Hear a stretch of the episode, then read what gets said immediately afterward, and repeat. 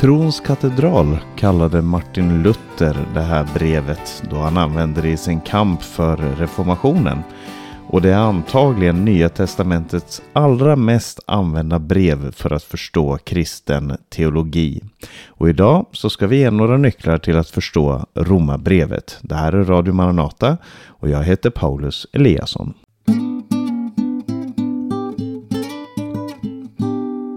Ja, Romarbrevet. Vi har eh, faktiskt redan i Radio Maranata gått igenom det här brevet. Vi hade måndagsmagasinet, eller lördags och måndagsmagasinet får man väl säga, där vi samtalade om eh, Romarbrevet eh, på Eh, Hans Lindelöf, Berno Widén och jag. Och det här gjorde vi februari till maj 2023. Så om du vill ha mer kapitel för kapitel och, och mycket mer kött på benen så kan du gå och lyssna på de programmen i podcasten eh, som Maranata Podcast. Men eh, idag så ska jag ge en eh, 25-26 minuters introduktion till Romarbrevet. Och du hittar Romarbrevet direkt efter apostlärningarna i Bibeln. Först har du de fyra, eh, i Nya Testamentet då. Först har du de fyra evangelierna, så apostlärningarna och så kommer Romarbrevet. Och den antagligen placerad eh, så tidigt, alltså först av Paulus brev eh, på grund av sin storlek. Det är det längsta brevet som aposteln Paulus skrev. Det kan också vara på grund av hur viktigt det är. Eh, det är ett väldigt viktigt och centralt eh, brev där vi lär oss otroligt mycket om det kristna livet. Det innehåller 16 kapitel och tar ungefär en timme att läsa. Så det är som sagt ett av de längsta breven. Eh, men det tar bara en timme att läsa igenom. Men å andra sidan i sitt förord till Romarbrevet så sa Martin Luther att varje kristen borde lära sig Romarbrevet helt utan till. Så det kan ju ta lite längre tid. Då. Eh, jag har redan nämnt att författaren till eh, Romarbrevet, det är aposteln Paulus och för en gångs skull får man väl lov att säga så är faktiskt inte det särskilt omdiskuterat. Eh, det, de allra flesta är eniga i att det är eh, Paulus som har skrivit Romarbrevet, även bland liberalteologer. Eh, och att den skrevs antagligen på slutet av 50-talet. Man försöker placera den här, han säger inte precis när det här är. Det är lite svårt att placera det historiskt, men eh, antagligen på 50-talet. Vi vet att eh, slutet av 50-talet, vi vet att i början på 60-talet så eh, kom Paulus till Rom eh, under fångenskap. Men i det här brevet så säger han att han inte har varit i Rom. Så det är i alla fall innan han kommer till Rom som fånge. Och eh, jag brukar nämna någonting om den historiska kontexten, alltså vad sker i historien runt här? Och man kan ju fråga sig hur viktigt är det i romabrevet? Därför att romabrevet, det är liksom en, det är nästan som en teologisk avhandling. Men jag tror inte att man ska behandla den till 100% som en teologisk avhandling. För det är ett brev. Det är skrivet till en församling till en given situation och den här församlingen hade, eller de här församlingarna skulle jag säga, de som är i Rom, hade unika problem, en situation som de försöker behandla och som aposteln Paulus försöker behandla i det här brevet. Så han skrev det dels för att förbereda församlingen på sin Eh, Eh, på sitt besök. Han hade planlagt att han skulle resa dit. Om han gjorde det eller inte vid det här tillfället, det vet vi inte. Men han skrev till dem för att förbereda dem och man, det är en slags presentation av hans förkunnelse, ett, ett slags CV. Han berättar, det här är det jag står för, det här är det jag förkunnar. Men det är inte bara det, utan de hade också problem där i den församlingen i Rom som han ville behandla, som han ville eh, berätta för dem hur evangeliet satte lys, ljus på deras situation. Eh, för att det som hade skett var att eh, kejsare Claudius några år tidigare hade slängt ut judarna ur Rom. Han, eh, med, genom hela historien så har judarna fått eh, eh, bära skulden för en massa olika saker. Och i den här situationen så var det kejsare Claudius som, eh, som utvisade alla judar i Rom. Och då fanns det redan en kristen församling i Rom som bestod mestadels av judar. Det sägs att den som grundla, de som grundlade eh, församlingen i Rom var en judisk grupp som trodde på Jesus. Så de här eh, var framförallt judar, men antagligen också en del hedningar eller romare. Eh, och då, men så blev då alla romarna utvisade och då var det en liten grupp som blev kvar och det var framförallt då icke-judar, eller det var bara icke-judar. Och så gick det fem år och den här församlingen utvecklas och förändras och får sin egen karaktär under de här fem åren där det bara är hedningar där. Och sen så eh, kommer nästa kejsare som låter judarna vända tillbaka till Rom. Eh, och då kommer de här tillbaka och de är fattiga för att de har ju blivit utslängda, de har förlorat sin, sin eh, position, de har förlorat sina arbeten och allt möjligt. Och de är nu helt plötsligt i minoritet i församlingen. Och Paulus kallar de här judarna för de svaga. Medan hedningarna i den här situationen är de starka i församlingen. Och det verkar när man läser romabrevet som att Paulus säger att ja, i den här konflikten som ni har så har de starka rent tekniskt har rätt i den här konflikten. Men han varnar dem så att de inte använder sin styrka på ett sätt som dominerar utan att han använder den för att tjäna. Och som jag sagt, genren den är skriven som en epistel, ett brev. Och det är inte en avhandling egentligen, men den framstår som en väldigt systematisk genomgång. Det, handlar om, det här brevet handlar om vad är evangelium? Vem handlar evangelium om? Och vad leder evangelium fram till? Alltså han, han går igenom var, vad, vad evangelium är för någonting och så leder det fram till att vad betyder det för oss idag? Hur förändrar det vårt liv? Och man brukar dela in romabrevet i tre delar eller möjligen i fyra delar. Där del 1 till 8 är den första delen eh, som handlar om frälsningen, om Guds rättfärdighet. Eh, framförallt kapitel 1 till 4. Därför brukar man dela in den första delen där. 1-8 brukar man dela in till, i 1-4 och 5-8. 1-4 handlar om Guds rättfärdighet. 5-8 handlar om vad det här betyder för oss som nya skapelser i Jesus Kristus. Så 1-8 handlar mycket om frälsningen. 9-11 handlar om Guds löften till Israel, Israels roll i eskatologin, alltså i den yttersta tiden och hur Gud ska frälsa Israel. Eh, det är kapitel 9 till 11. Och sen kommer den sista delen, 12 till 16, som är väldigt praktisk. Det är där man kan se vilka problem de hade just i församlingen i Rom och hur aposteln Paulus genom evangeliet försöker eh, behandla den situationen som man hade. Det är eh, de tre delarna, eller fyra, i Romarbrevet. Nu ska vi gå in i texten.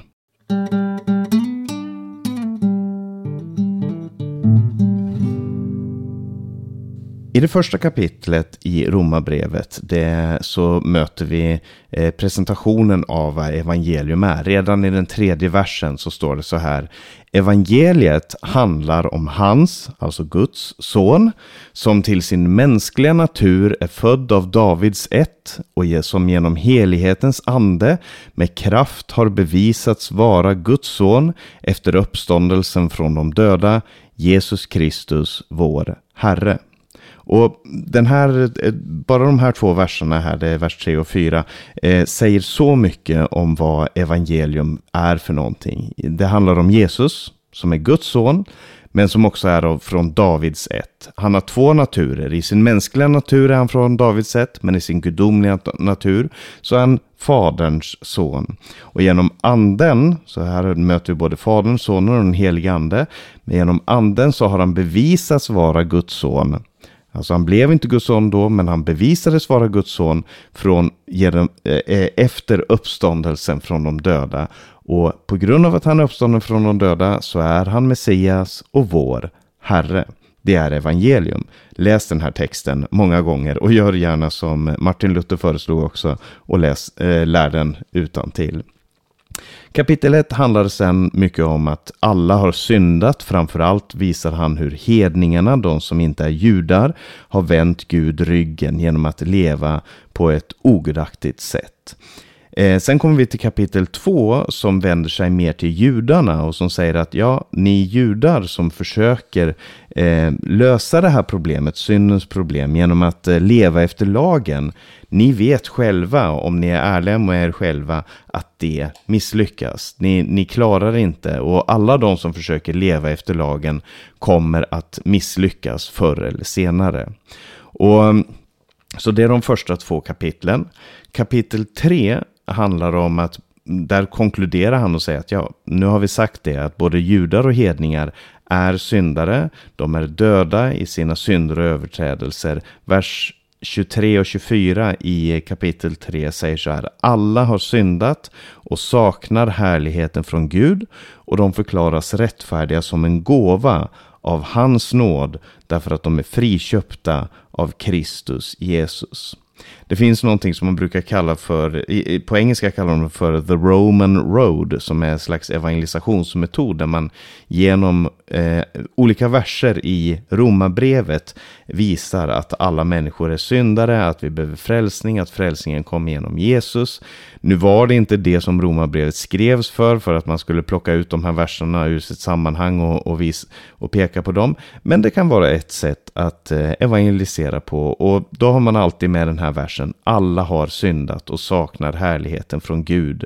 De förklaras rättfärdiga som en gåva av hans nåd. Eh, så eh, rättfärdigheten beror inte på någonting som de har gjort, utan det är en gåva, är Paulus eh, poäng här. Eh, och man kan förstå hur eh, Martin Luther tyckte att det här var fantastiskt i sin kamp mot den falska teologi som han mötte i sin tids kyrklighet också. Och inte minst när man kommer in på kapitel 4 där eh, aposteln säger att Gud förklarar de ogudaktiga för rättfärdiga. Vilket låter kontraintuitivt. Varför skulle Gud låta ogudaktiga kallas rättfärdiga? Borde han inte kalla dem gudaktiga för rättfärdiga? Borde han inte kalla dem ogudaktiga för syndare? Det står så här, men den som utan gärningar tror på honom som förklarar den ogudaktige rättfärdig, han får sin tro tillräknad som rättfärdighet. Alltså, Jesu Kristi rättfärdighet blir vår rättfärdighet genom tro på honom. Det är budskapet i kapitel 4.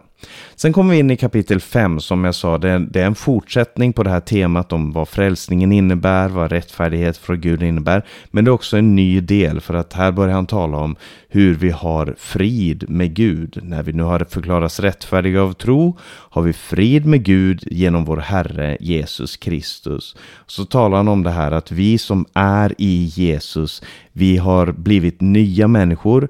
Vi har, eh, vi har blivit försonade ifrån synden. Vi har kommit in i Jesus. Eh, han är som en ny Adam. Precis som Adam är stamfar för hela mänskligheten så är Jesus stamfar för alla de som tror, alla de som kommer till honom, alla de som blir förloss förlossade genom honom. I kapitel 6 så säger han att eh, vi har blivit döpta och han talar lite om dopet där och säger att dopet det är att gå från död till liv. Det är där vi symboliskt går över från döden till livet. Han säger så här i vers 5. Om vi är förenade med honom i en död som hans ska vi också vara det i en uppståndelse som hans. Så han har gått igenom och, och förkastat lagen som en frälsningsväg och säger att nej, det är genom tron på Jesus Kristus som vi blir frälsta. Men så kommer kapitel 7 och där frågar han sig, ja men varför har vi lagen då? Varför gav gav Gud lagen? Är det något fel på lagen? Är den ond? Och han säger nej, lagen är god, lagen är rätt, lagen är bra på alla sätt och vis om man förstår hur man ska använda den.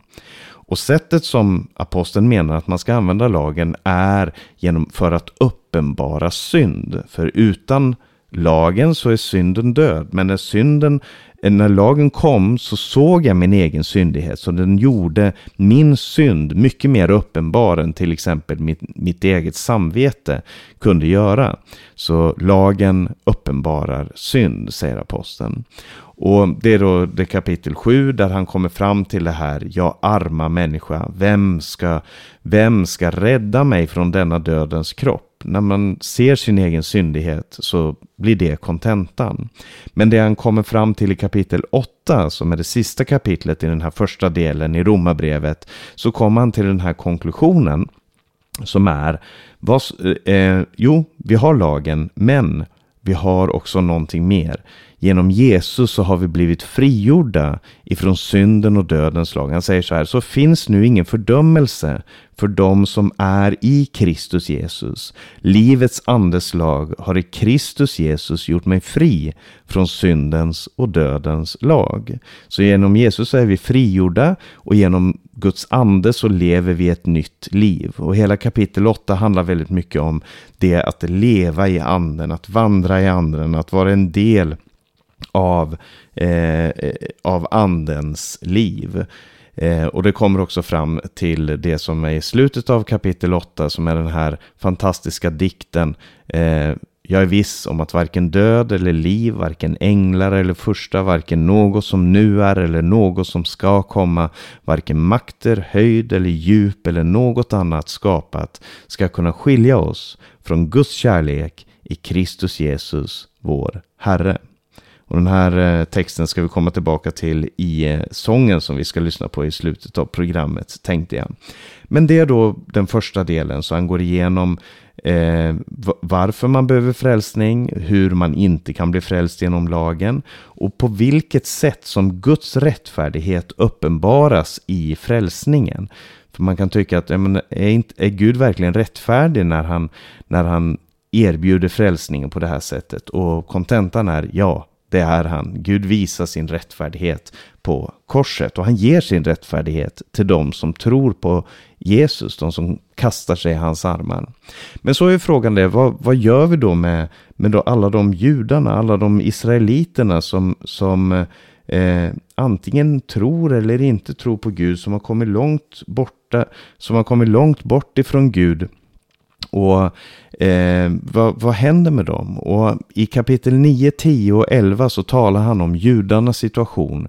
Och han kallar dem för mina bröder och han berättar vilken längtan han har efter att de ska få möta Jesus, att de ska få uppleva frälsningen. Och så börjar han tala om att ja, det finns de som gör uppror och det fanns de som gjorde uppror på gamla testamentets tid. Även fast de var israeliter så gjorde de uppror mot Gud och han ger många exempel på det där. Eh, Esau mot Jakob och så vidare. Eh, och, så, och så säger han, så, så det handlar inte om bara att man rent fysiskt, biologiskt tillhör den jud, det judiska folket, utan man behöver den här tron som Abraham hade. Eh, redan i kapitel 4 så talade han om Abraham som en förebild i tron och att vi är en del av Abrahams familj och mm, genom tro. Och det är det här han talar om i, i kapitel 9, 10 och 11 också. Eh, I kapitel 10 så, så finns ju också de här välkända orden om att den som tror i sitt hjärta och bekänner med sin mun att Jesus är Herre eh, ska bli frälst. Det är också en del av den här, det som kallas för eh, the Roman Road, alltså de här texterna som man läser när man vittnar utifrån romabrevet. Så, så kommer man gärna till det som är romabrevet 10, vers 9 och 10. Men om du med din mun bekänner att Jesus är Herren och i ditt hjärta tror att Gud har uppväckt honom från de döda ska du bli frälst. Med hjärta tror man och blir rättfärdig, med munnen bekänner man och blir frälst. Det är kapitel 10. Men egentligen så är den här, de här verserna tagna lite ur sitt sammanhang. Eller de, de finns ju i ett sammanhang där det som kan vara viktigt. Där, man, eh, där det står om eh, hur judar och hedningar kommer till, kommer till Gud på samma sätt genom tro på Jesus, genom att åkalla honom. Var och en som åkallar Herrens namn ska bli frälst. Och det är ingen skillnad på jude och grek. Alla har samma Herre och han ger av sin rikedom till alla som åkallar honom. Det är budskapet här.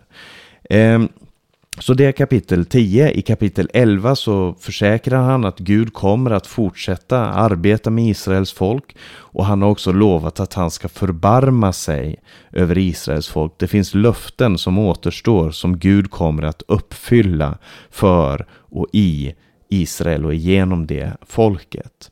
Så kommer vi till kapitel 12. Så vi har kapitel 1 till 8. De, de, hänger ihop allt det här. Det är inte så att det är tre olika avhandlingar, utan det hänger ihop rent logiskt. Men kapitel 1 till 8 handlar mycket om frälsningen, rättfärdiggörelsen.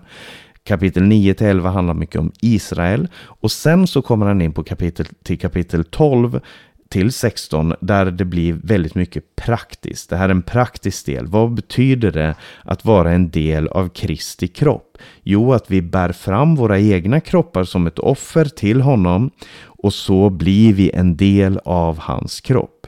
Vi han talar mycket om hur vi kan hjälpa varandra, att vi är kallade till att leva i frid med varandra, att inte hämnas, men att kunna förlåta. Och det här är fantastiska ord. Läs kapitel 12, 13, 14 i, i Romarbrevet så är det så otroligt uppmuntrande att läsa de här texterna. Men samtidigt så, så är det också viktigt för romarna i deras situation, församlingarna där i Rom, som hade den här konflikten mellan judar och hedningar. Det handlade om makten, det handlade om vilka som var svaga, vilka som var starka, vilka som hade rätt och vilka som hade fel. Och till syvende och sist så säger Paulus, lev i fred med varandra. Eh, Förlåt varandra, vänd er inte emot varandra. I kapitel 13 så talar han också om överheten, alltså staten, de som förföljde dem. Och han säger underordna er varje överhet. Låt oss leva värdigt i, i den här tiden som vi lever i. Vi är, vi är inte kallade att vara revolutionärer på världens sätt, utan vi är kallade att leva som goda Jesu Kristi representanter på den här jorden. Och det är, så mm, han, han kommer tillbaka till det här gång på gång om, om den kristna livsstilen. Och om du vill veta vad det verkligen betyder att tro på Jesus som Herre, bekänna honom som Herre. Det är inte bara någonting man säger en gång. Tro i ditt hjärta och bekänn med din mun. Ja, nu är du frälst. Du har sagt de här magiska orden och nu har du blivit frälst och nu har du en biljett till himmelen. Nu har du fått en stämpel i, i passet där det står att du, du får komma till himmelen. Du får vara med. Eh, nu, nu kan du leva som du vill eller nu, nu spelar det inte så stor roll. Det betyder ingenting mer. Utan det kristna livet det har verkligen konsekvenser för eh, det dagliga livet. Och i kapitel 14 så talar han om, om eh, att visa kärlek mot varandra. Och här kommer han kanske in på det allra mest, de allra mest praktiska sakerna som handlar om den församlingen som var där då. För de hade frågan om, får man äta vad man vill? Ska man bara äta korsermat eller kan man äta vilken mat man vill? Det var liksom en, en diskussion där i församlingen. Och han säger, ja men några har högtidsdagar och firar dem. Andra har inte högtidsdagar och firar dem. Ja, men de som firar en viss dag, de gör det för Herren. Och de som äter det de äter, de gör det för Herren. Och man tackar Gud. Och man låter, om man låter bli att äta så gör man det för Herren. Det är inte det centrala här. Det är inte det viktigaste. Det är inte det som det står och faller på. Utan det det, det står och faller på, det är eh, det här Kristus har dött och fått liv igen för att vara Herre över både levande och döda. Varför dömer du då din broder? Det är eh, poängen i, i kapitel 14. Han säger låt oss sträva efter det som tjänar friden och den ömsesidiga uppbyggelsen. Och när man läser det här så, så känner man verkligen att det går ett svärd igenom en. För att han säger riv inte ner Guds verk på grund av mat. För det var det de höll på att göra i församlingen där. Man höll på att riva ner allt det som Gud önskade bygga upp i församlingen för matens skull. Han säger, nej men det, det, det, det, är helt otänkligt att vi, att vi skulle låta det här bli en så stor strids, stridsfråga att vi förstör Guds församling för det. Och det får man ju också fråga sig själv. Vilka strider är det jag står i? Är det verkligen där som Gud vill att jag ska eh, strida? Eller vill Gud att jag ska kämpa för friden? Sen kommer vi till eh, kapitel 15. Eh, där han har några avslutande tankar. Han säger att vi som är starka är skyldiga att bära de svaga svagheter och inte tjäna oss själva. Det är evangeliums konsekvenser. Att vi tjänar vår nästa till hans bästa och hans uppbyggelse. Och ehm, han, han eh, kommer sen in på, han, han ger en, det här målet i det han förkunnar är, det här som står i vers 6, att ni alla med en mun prisar vår Herre Jesu Kristi Gud och Far. Det är evangeliums slutmål. Alltså varför gav Gud evangeliet till oss? Jo, det var för att vi skulle prisa honom med en mun. För att judar och hedningar, alla folkslag, skulle ge sitt lov och tack till Gud. Det var det som Gud hade kallat Abraham till och det är det som han eh, manar sitt folk till i alla tider. Och sen mot slutet av kapitel 15 så börjar han tala om, om sina planer. Han, det blir väldigt praktiskt här. Han talar om att han vill resa till Spanien, men han ska besöka Rom först. Eh, han blandar in här eh, liksom en del av evangeliet också. Han, han, eh, han har liksom det här för öga hela tiden. Det är inte bara, ja, nu ska jag prata om några helt andra saker. Utan Anledningen att han är ute och reser det är för att sprida Guds evangelium. Han vill nå ut med evangelium. Och så i det sextonde kapitlet så nämner han alla som han hälsar till. Han säger hälsa till Maria, Andri, eh, Andronicus, Junia, Ampliatus, Urbanus, Stak eh, Stakis och alla de andra. De är medkämpare, de är medfångar, de är eh, medarbetare. Det är syskon, män och kvinnor som, som tjänar Gud och som han hälsar till. Så han, han flyttar det här från det liksom himmelska perspektivet ner till gruset och säger det har betydelse för hur vi lever idag på den här jorden. Så nycklarna till romabrevet, det handlar dels om att förstå den historiska kontexten för att kunna se hur det här kan appliceras på våra egna liv, att se hur de här församlingarna levde, men också förstå det här flödet i texten från det första till det sextonde kapitlet. Därför vill jag föreslå för dig att du tar en timme och läser romabrevet och kanske de orden som jag har sagt här nu kan vara till en hjälp för dig då också.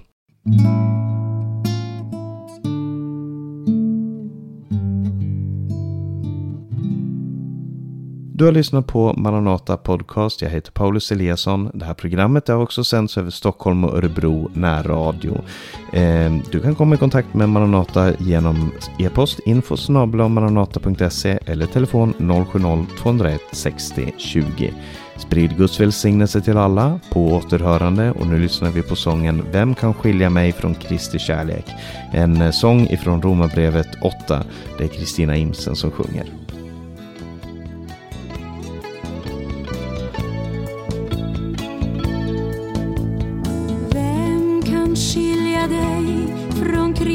shine.